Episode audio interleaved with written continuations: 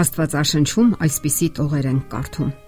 Միթե չգիտես կամ չես լսել, որ հավիտենական Աստված է Տերը, արարիչը երկրի ծայրագույն սահմանների։ Նա չի հոգնել եւ չի թուլացել։ Նրա հանճարը անքննելի է։ Նա է հոգնածին ուշ տվողը։ Նա ավելացնում է կարողություն ճանաչողի զորությունը։ Երիտասարդները կհոգնեն ու կնվաղեն։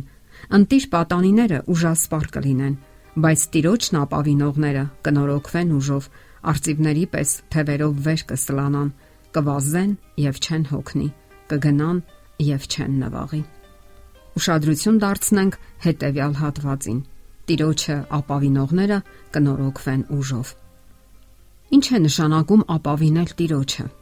Արդյոք դա հեշտ է ստացվում մարդկանց մոտ։ Դա մտավոր վարժություն է, թե կյանքը անվերապահորեն Աստծուն հանձնելը եւ ոչինչ չանելը։ Իսկ միգուցե Աստված մեզանից երանդուն քայլեր է սպասում։ Հասկանալի է միայն, որ յուրաքանչյուր անznավորություն ունի միայն իրեն հայտնի փորձառությունները եւ Աստծո հետ հարաբերությունների իր կերպը։ Մարդիկ սпасումների մեջ են։ Հաճախ իրենք էլ չգիտեն, թե ինչի են սпасում։ Երբեմն հարց են տալիս իրենց. իսկ ինչի ենք սпасում մենք եւ բոլորի կյանքում գալիս է մի պահ, երբ նկատում է, որ կյանքն անցնում է։ Կյանքի հետ էլ հույսերը։ Ինչ որ բան սկսում է չբավականացնել։ Մարդը սկսում է ապրել նորի եւ ավելի լավի սպասումներով։ Նա համառորեն փնտրում է մի բան, սակայն ինքն էլ չգիտի որտեղ եւ ինչպես գտնել այն։ Իսկ միգուցե նրանք տեսադաշտից կորցրել են Աստծուն։ Շատերի մոտ անգամ այդ որոնումներն են կանգ առնում եւ մարդը ընկնում է լավագույն դեպքում անտարբերության մեջ, եթե ոչ հուսահատության։ Բայց ոմանց մոտ էլ շարունակվում են այդ փնտրտուքները։ Արդյունքում նրանք գտնում են Աստծուն եւ իրենց կյանքի նպատակը։ Երբ մարդը գտնում է Աստծուն, նրա կյանքը իմաստավորվում է։ Նրա կյանքում խթաններ են հայտնվում։ Մարդը սկսում է ապավինել Աստծուն եւ ապրել։ Իսկ երբ է մարդը սկսում ապրել իմաստավորված եւ պայծառ հույսերով լի իր կյանքը։ Երբ է նա հույսով նայում գալիքին եւ սպասում իր հույսերի ու երազանքների իրականացմանը։ Իսկ միգուցե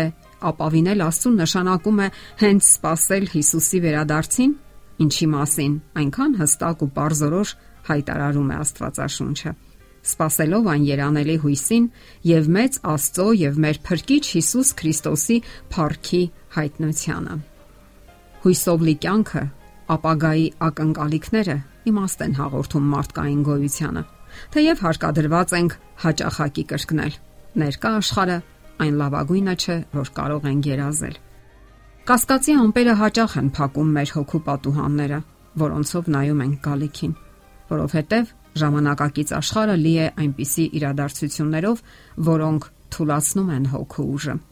Վախերը, սարսափները ջլատում են մարդու կամքը։ Շատերն այսօր ապրում են ահաբեկչության վախը սրտում։ Նրանք զգուշանում են անգամ այնպիսի սովորական առօրյական երևույթներից, ինչպիսիք են օթանավ նստելը, գնացք, մեքենա նստելը, որոնք ամեն րոպե կարող են պայթել կամ վթարի ենթարկվել։ Մեր օրերում լայնորեն տարածված վարակը կորոնավիրուսը հարկադրեց մարդկանց պարփակվել ու մեկուսանալ։ Մարդիկ կարծես անվստահությամբ են նայում միմյանց։ Այսօր մենք ապավինության կարիք ունենք՝ մի բանի, որ հաստատուն է ու անշարժ։ Այսօր մարդը հույսի կարիք ունի, որ լցվում է սիրտը եւ թույլ չի տալիս հիասթափություն ապրել։ Եվ վերջապես, ինչպես խաղաղությամբ ապրել այնպիսի աշխարհում, որն ինքը չի կարող առաջարկել այդ խաղաղությունը։ Իսկ միգուցե անհամեմատ ավելի հուսալի է դարձյալ դիմել Աստվածաշնչին, որտեղ հարյուրավոր համարներ խոսում են հույսի մասին։ Կարդում ենք Աստվածաշնչում, որ ուրանանք ամբարշտությունը եւ աշխարհային ցանկությունները եւ խոհեմությամբ ու արդարությամբ եւ աստվածապաշտությամբ ապրենք այս աշխարհում սпасելով այն երանելի հույսին եւ մեծ Աստծո եւ մեր Փրկիչ Հիսուս Քրիստոսի փառքի հայտնությանը։ Անշարժ խարիսխ։ Ահա թե ինչի կարիք ունեն մեր օրերի մարդիկ։ Հույսի, որը չի խափում եւ որը հաստատված է անշարժ խարսխի վրա։ Մենք ամեն օր հարց ենք տալիս մեզ. ում է պատկանում ապագան։ Ահա բեկիչներին, որոնք սпарնում են պայթեցնել այս կամ այն օբյեկտը, թե քաղաքական գործիչներին, որոնք ոսկու սարեր են խոստանում մարդկությանը եւ սակայն ի վիճակի չեն կատարելու իրենց խոստումները։ Եվ իսկապես, կա մի հաստատուն եւ հուսալի խարիսխ, որի վրա կարող են կայանել մեր հույսերն ու ակնկալիքները։ Երբ մտքով, հոգով, սրտով ընդունենք այս ճշմարտությունը, որ ապագան Աստծունն է, մեր ապավինությունը իսկապես հուսալի հենարաններ կունենա։ Գալիքը կախված է նրանից, ով անձամբ շահագրգռված է մեր երջանկությամբ։ Իսկ նա վաղուց արդեն ծրագրել է մեր լավագույն ապագան։ Երբ Հիսուս Քրիստոսը ժամանակավոր հեռանում էր երկրից, իրեն հավատացողներին խոստացավ, որ կվերադառնա այս երկիր հավերժական կացարաններ տանելու իրեն սпасողներին։ Այդ խոստումը գրված է Աստծո անխախտ գրքում։ Այս Հիսուսը, որ ձեզանից վերացավ երկինք, այսպես կգա, ինչպես նրան տեսակ երկինքը գնալիս։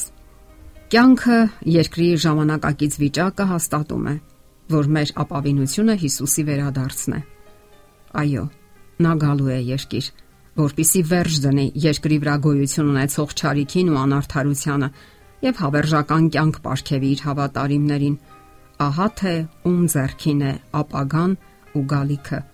Ահա թե ում կարող ենք վստահել մեր ներկան ու ապագան, մեր հավերժական կյանքը։ Մեր ապավինությունը Հիսուս Քրիստոսն է։